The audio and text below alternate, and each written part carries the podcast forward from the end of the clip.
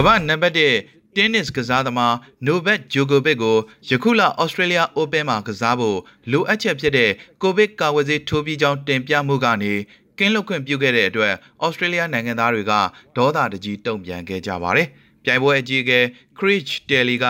ချန်ပီယံကိုအထူးမျက်နှာသာပေးခြင်းမရှိပေမဲ့လူအများရဲ့ဒေါသကိုဖြေလျှော့ပေးနိုင်ဖို့ကင်းလွတ်ခွင့်ကိုဘာကြောင့်ရရှိထားတယ်ဆိုတာဖြေရှင်းချက်ပေးဖို့ဆာဘီယာနိုင်ငံသားကိုတိုင်တန်းထားပါတယ်။ January လ18ရက်မှာစတင်မဲ့2022ခုနှစ်ရဲ့ပထမဆုံး Grand Slam ပြိုင်ပွဲမှာပါဝင်သူအားလုံးအနေနဲ့ကိုဗစ်ကာကွယ်ဆေးထိုးနှံထားဖို့လိုအပ်ပြီးသို့မဟုတ်ပါကအမိခိုကင်းတဲ့ကျွမ်းကျင်သူတွေရဲ့စစ်ဆေးထောက်ခံချက်ရရှိဖို့လိုပါတယ်။ Australia Open Champion ၉ချိန်စွတ်ခူးခဲ့သူကအင်္ဂါနေ့ကမဲလ်ဘုန်းကိုဝင်ဖို့အတွက်ကာကွယ်ဆေးကင်းလွတ်ခွင့်ပြုကြောင်းကြေညာခဲ့ပြီးတဲ့နောက်၎င်းရဲ့စုဖလားကိုကာကွယ်မှာလားဆိုတဲ့တန်တရားတွေကိုအဆုံးသတ်စေခဲ့ပါတယ်။ဒါပေမဲ့ဩစတြေးလျဆေးဘက်ဆိုင်ရာအသင်းဒုဥက္ကဋ္ဌဟောင်းစတီဖန်ပါနစ်ကဒါဟာကိုဗစ်ပြန့်နှံ့မှုကိုရပ်တန့်ဖို့ကြိုးပမ်းနေသူတွေစီကိုပါလိုက်တဲ့ထိတ်လန့်ပွဲရသတင်းစကားပါပဲလို့ဆိုပါတယ်။သူဘလောက်တော်တဲ့တင်းနစ်ကစားသမားဆိုတာကိုကျွန်တော်တို့စိတ်မဝင်စားပါဘူး။ ကာကွယ်ဆေးထိုးဖို့ညှင်းဆန်ခဲ့ရင်တော့ဘသူကမှဝင်ခွင့်မပြုသင့်ပါဘူးလို့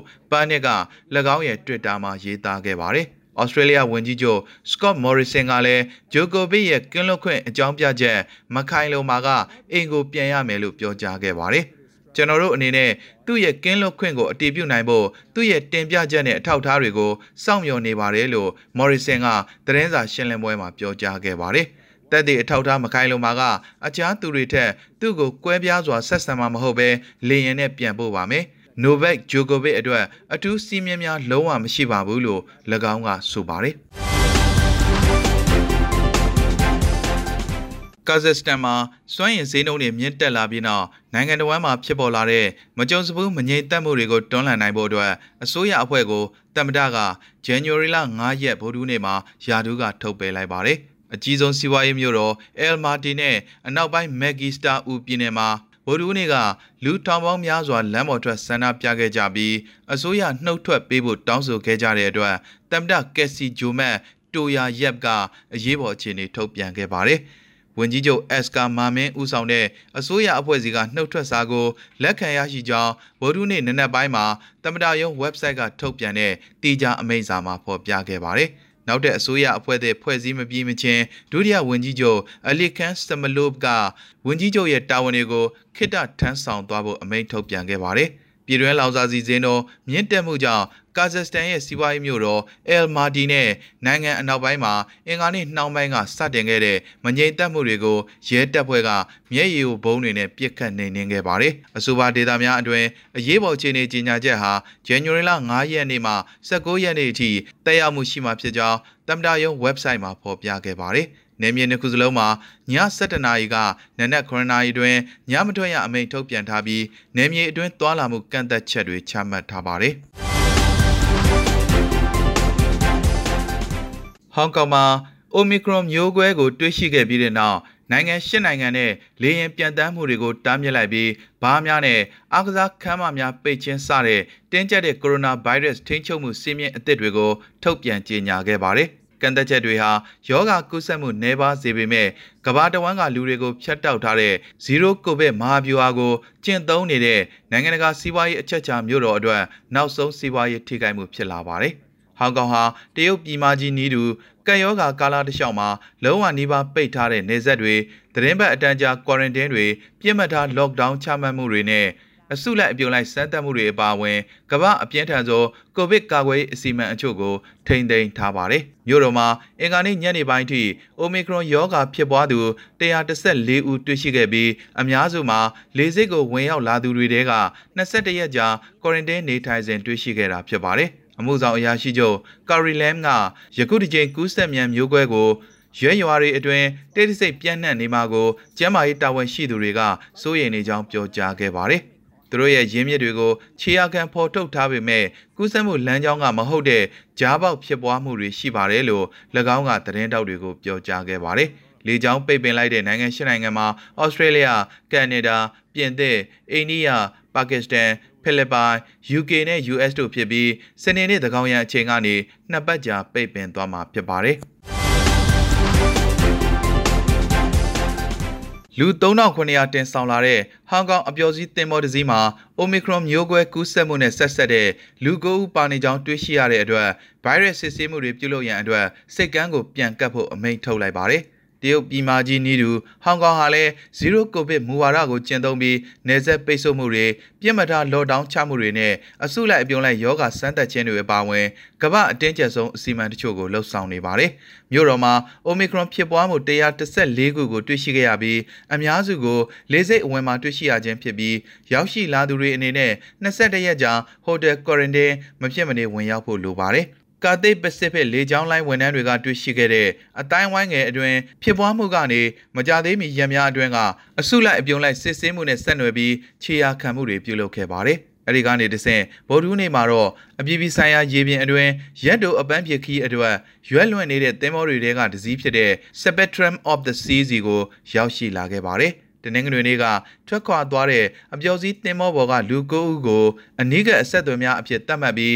တင်းမောကိုတရက်စောပြီးစိတ်ကန်းကပ်ဖို့အမိန့်ထုတ်ခဲ့ကြောင်းကျမ်းမာရေးအာဏာပိုင်တို့ကပြောကြားခဲ့ပါတယ်။အဆိုပါတင်းမောပေါ်မှာပါတဲ့ခရီးသည်2500နဲ့အမှုရန်1200တို့ဟာတင်းမောကမစင်းမီဗိုင်းရပ်စ်စစ်ဆေးမှုခံယူရမှာဖြစ်ပါတယ်။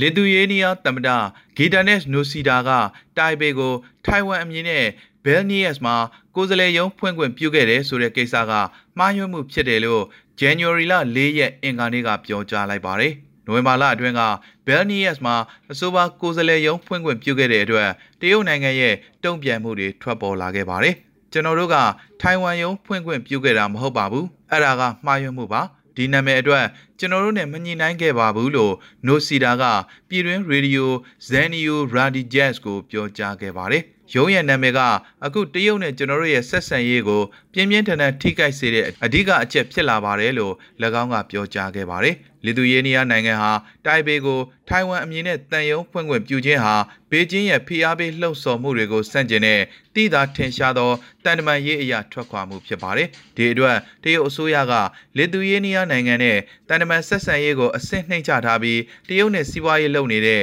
လီသူယေးနီးယားကုမ္ပဏီတွေနဲ့တရုတ်နဲ့ချိတ်ဆက်ထားတဲ့ထောက်ပံ့ရေးကွင်းဆက်တွေမှာကုန်သွယ်မှုကန့်သက်ချက်တွေနဲ့ရင်ဆိုင်နေရတယ်လို့ဆိုပါတယ်။ ဘော်ဒစ် EU နိုင်ငံကတာဝန်ရှိသူတွေကယင်းကိုမကြေညာတဲ့ပိတ်ဆို့အရေးယူမှုများလို့ဆိုပါတယ်။လီသူယေးနီးယားအပေါ်တမယိုးကြမဟုတ်တဲ့အစီအမံတွေစတင်နေပါပြီ။ဒီအတွက်ကျွန်တော်တို့ဘက်ကအလွန်တက်ကြွဖို့လိုနေပြီးဒါဟာတိုက်ခိုက်မှုတစ်ခုဖြစ်ကြောင်း EU ကိုပြက်ပြက်သားသားအချက်ပြမှုတစ်ခုပေးပို့ရမှာဖြစ်ပါတယ်လို့နိုစီဒါကပြောကြားခဲ့ပါတယ်။ ဘေကျင်းဟာ၎င်းရဲ့ပိုင်တဲ့နယ်မြေတစ်စိတ်တစ်ပိုင်းဖြစ်သတ်မှတ်ထားတဲ့ထိုင်ဝမ်ကျွန်းကိုနိုင်ငံတကာရဲ့တရားဝင်မှုရရှိမှာဆိုတဲ့အတွက်ထောက်ခံမှုအားလုံးကိုပိတ်ဆို့ထားပြီးလိုအပ်ရင်အင်အားသုံးသိမ်းယူမယ်လို့ကြုံဝါထားပါတယ်။လေသူယေးနီးယားဟာထိုင်ဝမ်မှာ၎င်းရဲ့ကိုပိုင်ကုန်သွယ်ရေးရုံးကို2022ခုနှစ်ပထမလမှာဖွင့်လှစ်နိုင်ဖို့စီစဉ်နေပါတယ်။ပြင်သစ်သမ္မတအမန်နျူယယ်မက်ခရွန်က ကိုဗစ်ကာကွယ်ဆေးမထိုးရသေးတဲ့လူတွေအနေနဲ့နိုင်ငံအတွင်းလူနေမှုဘဝရဲ့အဓိကအခန်းကဏ္ဍတွေကိုကန့်သက်လိုက်ချိန်မှာအခက်အခဲတွေနဲ့ရင်ဆိုင်ရမယ့်အကြောင်း January လ၄ရက်အင်္ဂါနေ့ကသတိပေးလိုက်ပါတယ်။ကာဝယ်ဆေးမထိုးရသေးတဲ့ကိစ္စအတွက်သူတို့ကိုကျွန်တော်တကယ့်ကိုအနှောက်အယှက်ဖြစ်စေချင်ပါတယ်ပြီးတော့ဒါကိုအဆုံးထိဆက်လုပ်သွားမှာပါဒါကနီးပြူပါပဲလို့ Lee Parisian သတင်းစာနဲ့အင်တာဗျူးမှာမက်ခရွန်ကပြောကြားခဲ့ပါတယ် ဒါကလူမှုဘဝလှုပ်ရှားမှုတွေကိုတတ်နိုင်သမျှကန့်သက်ခြင်းကိုဆိုလိုတယ်လို့၎င်းကထပ်လောင်းပြောကြားခဲ့ပါတယ်။ယဉ်ကျေးမှုဆိုင်ရာလှုပ်ရှားမှုတွေကိုခန်းစားဖို့မြို့တွင်းရထားစီခီးသွားဖို့စတာတွေအပြင် January လ15ရက်နေ့ကစပြီးကော်ဖီဆိုင်မှာကော်ဖီလာတောက်တာကအစကာကွယ်ဆေးမဖြစ်မနေထိုးထားပြီးဖြစ်ရမယ့်ဥပဒေကိုပါလီမန်ကအတည်ပြုနိုင်ရေးအစိုးရကတွန်းအားပေးဖို့ကြိုးပမ်းနေချိန်မှာမက်ခရွန်ရဲ့မှတ်ချက်တွေထွက်ပေါ်လာခြင်းဖြစ်ပါတယ်။ ပြီးခဲ့တဲ့စမ်းသပ်ကာလအတွင်းနိုင်ငံရဲ့ကိုဗစ်ဖြတ်တန်းခွင့်မှာယောဂပျောက်ကင်းသူတွေကိုထည့်သွင်းထားပေမဲ့အခုအကျုံးဝင်မှာမဟုတ်တော့ဘူးလို့ဆိုပါတယ်။ဒါပေမဲ့တနင်္လာနေ့ကပါလီမန်ကနေတဆင့်ဥပဒေပြုရေးကိုဖိအားပေးဖို့အတိုက်ခံအင်အားစုတွေကပူးပေါင်းပါဝင်လာချိန်မှာတော့အစိုးရဘက်ကဒေါသတကြီးဖြစ်ခဲ့ရပါတယ်။မက်ခရွန်ရဲ့ရန်စတဲ့သဘောထားမှတ်ချက်တွေထွက်ပေါ်လာပြီးနောက်ဗိုလ်ဒူးနေနှောင်းပိုင်းမှာအဆိုပါဥပဒေချမ်းကိုအတည်ပြုရေး ထည့်သွင်းစဉ်းစားဖို့ကိစ္စကိုဆိုင်းငံ့ထားလိုက်ကြောင်းပါလီမန်ဥက္ကဋ္ဌမတ်လီဖာကဆိုပါတယ်အေးစေးတည်ငြိမ်တဲ့အလုတ်ပတ်ဝန်းကျင်အတွက်အခြေအနေတွေကိုမဖြည့်ဆည်းပေးနိုင်သေးကြောင်း၎င်းကဆိုပါတယ်အစောပိုင်းမှာပြင်သစ်သမ္မတကဒါကကာဝယ်ဆေးမထိုးရသေးတဲ့လူတွေကိုထောင်ထဲထည့်ဖို့မဟုတ်ဘူးအတင်းအကျပ်ကာဝယ်ဆေးထိုးခိုင်းဖို့မဟုတ်ဘူးဒီတော့သူတို့ကိုပြောပြရမှာက January လ15ရက်နေ့ကစပြီးမင်းတို့စားတောက်ဆိုင်ကိုသွားလို့မရတော့ဘူးကော်ဖီသွားတောက်လို့မရတော့ဘူး ရုပ်ရှင်အောင်သွားလို့မရတော့ဘူးဆိုတာပဲလို့ပြောကြားခဲ့ပါတယ်မက်ခရွန်ရဲ့အတိုက်ခံတွေကတော့၎င်းရဲ့ယာဒူးတက်တန်ကနဦးအဆင့်မှာတခါတရံလိမ္မာပါးနှက်မှုမရှိတဲ့မှတ်ချက်တွေပေးခြင်းကသူ့ရဲ့သတိပေးလိုတဲ့ဆန္ဒနဲ့ဝေးကွာလွန်နေတယ်လို့တမဒကိုဆွတ်ဆွဲခဲ့ကြပါတယ် အင်ဒိုနီးရှားနိုင်ငံဆူမာတရာကျွန်းမှာရေကြီးရေရှမ်းမှုတွေကြောင့်လူပေါင်း2400ခန့်ကိုဘေးလွတ်ရာရွှေ့ပြောင်းပေးခဲ့ရပြီးကလေးငယ်တို့တေဆုံးခဲ့ကြောင်းတာဝန်ရှိသူတွေကဇန်နဝါရီလ4ရက်အင်္ဂါနေ့ကပြောကြားခဲ့ပါတယ်။ဒီကိစ္စအတွက်တစ်တော်ပြုံးတိမှုတွေကြောင့်တဘာဝပတ်ဝန်းကျင်ထိန်းသိမ်းရေးသမားတွေကအပြစ်တင်ခဲ့ကြပါတယ်။ ကျောင်းပေါ်မှာရက်အတန်းကြအောင်မိုးတဲထန်စွာရွာသွန်းမှုကြောင့်မြစ်ချောင်းကမ်းပါးတွေပြိုကျပြီးလူနေရက်ွက်တွေအတွင်းရေများမြင့်တက်လာခဲ့ကြောင်းအမျိုးသားသဘာဝဘေးကာကွယ်ရေးအေဂျင်စီကပြောကြားခဲ့ပါတယ်။ Yang besar masih bertahan, eh, namun satu dua itu mungkin eh, ada ကျွန်တော်တို့မှာတစ်နှစ်ကိုအနည်းဆုံး9ကြိမ်ကနေ10ကြိမ်ထိရေကြီးရေရှမ်းမှုတွေကြုံနေရပေမဲ့ဒီတကားအပြင်းထန်ဆုံးပဲလို့အာချေးပြည်နယ်ပီရက်တီမာမှာနေထိုင်တဲ့မူဇာကီယာကဆိုပါတယ်။ အဲလော့ဆူကွန်ရွာကစီရီပက်ဒီကငါတို့အိမ်မှာဆိုရေတွေကရင်ဘက်အထိတက်လာတယ်လို့ဆိုပါတယ်။ရွှေပြောင်းနေထိုင်သူတွေအများစုနေထိုင်တဲ့အဆိုပါပြည်နယ်မှာရေလွှမ်းမှုမှုကြောင့်တေဆုံးမှုတွေဖြစ်ပွားခဲ့တဲ့အပြင်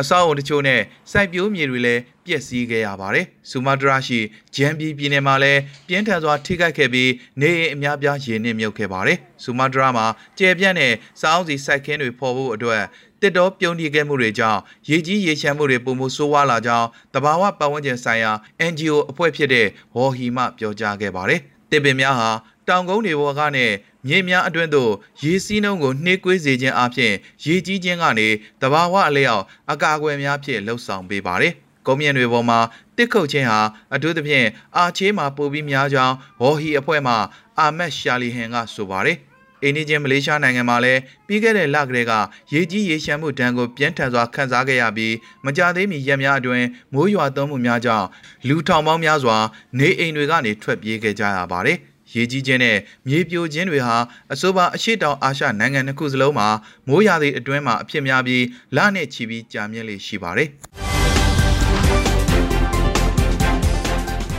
ထိုင်ဝမ်လေတပ်ကဂျဲလီယွန်တွေဟာစစ်ပွဲပုံစံဖော်ဆောင်ထားတဲ့စီးရေးလေးချင်းမှုတစ်ခုကိုဇန်နဝါရီလ9ရက်ဗိုလ်ဒူးနေ့ကပြုလုပ်ခဲ့ပြီးကျွန်းကို၎င်းတို့ပိုင်တဲ့အဖြစ်သတ်မှတ်ထားတဲ့တရုတ်နဲ့စီးရေးအရာတင်းမာမှုတွေမြင့်တက်နေချိန်မှာတိုက်ပွဲအတွက်အဆင်သင့်ရှိကြောင်းပြသခဲ့ပါတယ်။ လေ့ကျင့်မှုမစတင်မီမှာတရုတ်စစ်လေယာဉ်တွေကိုကြားပြတ်ဟန်တာဖို့မကြာခဏအတက်နိုင်ဆုံးလှုပ်ဆောင်လေးရှိတဲ့ American လို့ F16 jet တိုက်လေယာဉ်တွေတည်ရှိရာတောင်ပိုင်းချီယာယီမြို့ရှိစစ်အခြေစိုက်စခန်းတစ်ခုကလေတရဲတွေဟာအချက်ပေးအိုအော်တန်နဲ့အတူအသင့်ပြင်ထားတဲ့လေယာဉ်တွေစီကိုအမြန်ပြေးသွားခဲ့ကြပါတယ်အဆိုပါစီးရေးလေ့ကျင့်မှုဟာယခုလကုန်ပိုင်းတရုတ်နှစ်တကူအားလည်းရမတိုင်မီထိုင်ဝမ်ရဲ့တိုက်ပွဲပြင်ဆင်မှုကိုပြသမဲ့၃ရက်ကြာစီးရေးလေ့ကျင့်မှုရဲ့တစ်စိတ်တစ်ပိုင်းဖြစ်ပါတယ်။ ထိလွယ်ရှလွယ်ထိုင်ဝမ်ရေလက်ကြားအတွင်းလွန်ခဲ့တဲ့နှစ်အနည်းငယ်ကစလို့တင်းမာမှုတွေမြင့်တက်လာသလိုကျွန်းစုအနီးကိုဖျက်ပြီးပြန်တန်းအင်အားပြတဲ့တရုတ်လေတပ်ရဲ့ထက်ခါတလဲလဲမစ်ရှင်တွေကိုထိုင်ဝမ်ကပြစ်တင်ရှုံချခဲ့ပါတယ်တရုတ်စစ်လေယာဉ်တွေဟာထိုင်ဝမ်ကစောင့်ကြည့်ကင်းလှည့်နေတဲ့၎င်းတို့လေပိုင်တဲ့အနီးကလေကြောင်းကာကွယ်ရေးတပ်မတ်စော ADIZ ရဲ့အနောက်တောင်ဘက်ခြမ်းအတွင်းမကြာခဏပြန်တန်းလေးရှိပါတယ် 我们办理春节期间加强战备的一个一个邀访的一个活动，主要目的也是让国人能够了解，即使在春节。ကျွန်တော်တို့ရဲ့လေပိုင်တဲ့အနည်းကိုတရုတ်လေယာဉ်တွေရဲ့အကြိမ်ကြိမ်ဝင်ရောက်ပြန်တမ်းမှုတွေနဲ့အတူမိမိတို့ဘက်ကလေတရဲတွေမှာလည်းအတွေ့အကြုံတွေရင့်ကျက်လာပြီးတိုက်လေယာဉ်အမျိုးအစားအလုံးနီးပါးကိုကင်တွယ်ဖြည့်ရှင်းနိုင်ခဲ့ကြပါတယ်လို့ဗိုလ်မှူးယန်စီအန်ရှန်ကသတင်းတောက်တွေကိုပြောပြခဲ့ပါတယ်တရုတ်နိုင်ငံဟာထိုင်ဝမ်ကို ခွဲထွက်ရေးပုံကန်တဲ့ပြည်နယ်အဖြစ်သတ်မှတ်ထားပြီးလိုအပ်ပါကအင်အားသုံးပြီးပြန်လည်ပေါင်းစည်းရေးလှုပ်ဆောင်မယ်လို့ဆိုပါတယ်။ထိုင်ဝမ်ကတရုတ်ရဲ့လှုပ်ရှားမှုတွေကိုမိခိုးရောင်စုံစစ်ပွဲအဖြစ်ခေါ်ဆိုခဲ့ပြီးနှစ်ဖက်စလုံးကထိုင်ဝမ်တပ်တွေကိုကြိမ်ဖန်များစွာအပြိုင်ဆိုင်ပြုလုပ်ခြင်းဖြင့်၎င်းတို့ရဲ့တုံ့ပြန်မှုကိုအကဲဆန်းနေကြပါတယ်။ပြီးခဲ့တဲ့သတင်းဘက်ကတရုတ်အတွက်နှစ်တကူတဝန်လော်မှာထိုင်ဝမ်သမ္မတဆိုင်အင်းဝမ်ကစီရေးဟာပဋိပက္ခအတွက်အပြေမဟုတ်ကြောင်းပြောကြားခဲ့ပါတယ်။ တရုတ်ဘက်ကတော့ထိုင်ဝမ်အနေနဲ့အနီရောင်စီးကိုဖျက်ကျော်ပါကအလွန်ဆိုးရွားတဲ့ကက်ဆိုးကြီးနဲ့ရင်ဆိုင်ရမယ်လို့ပြင်းပြင်းထန်ထန်သတိပေးထားပါတယ်။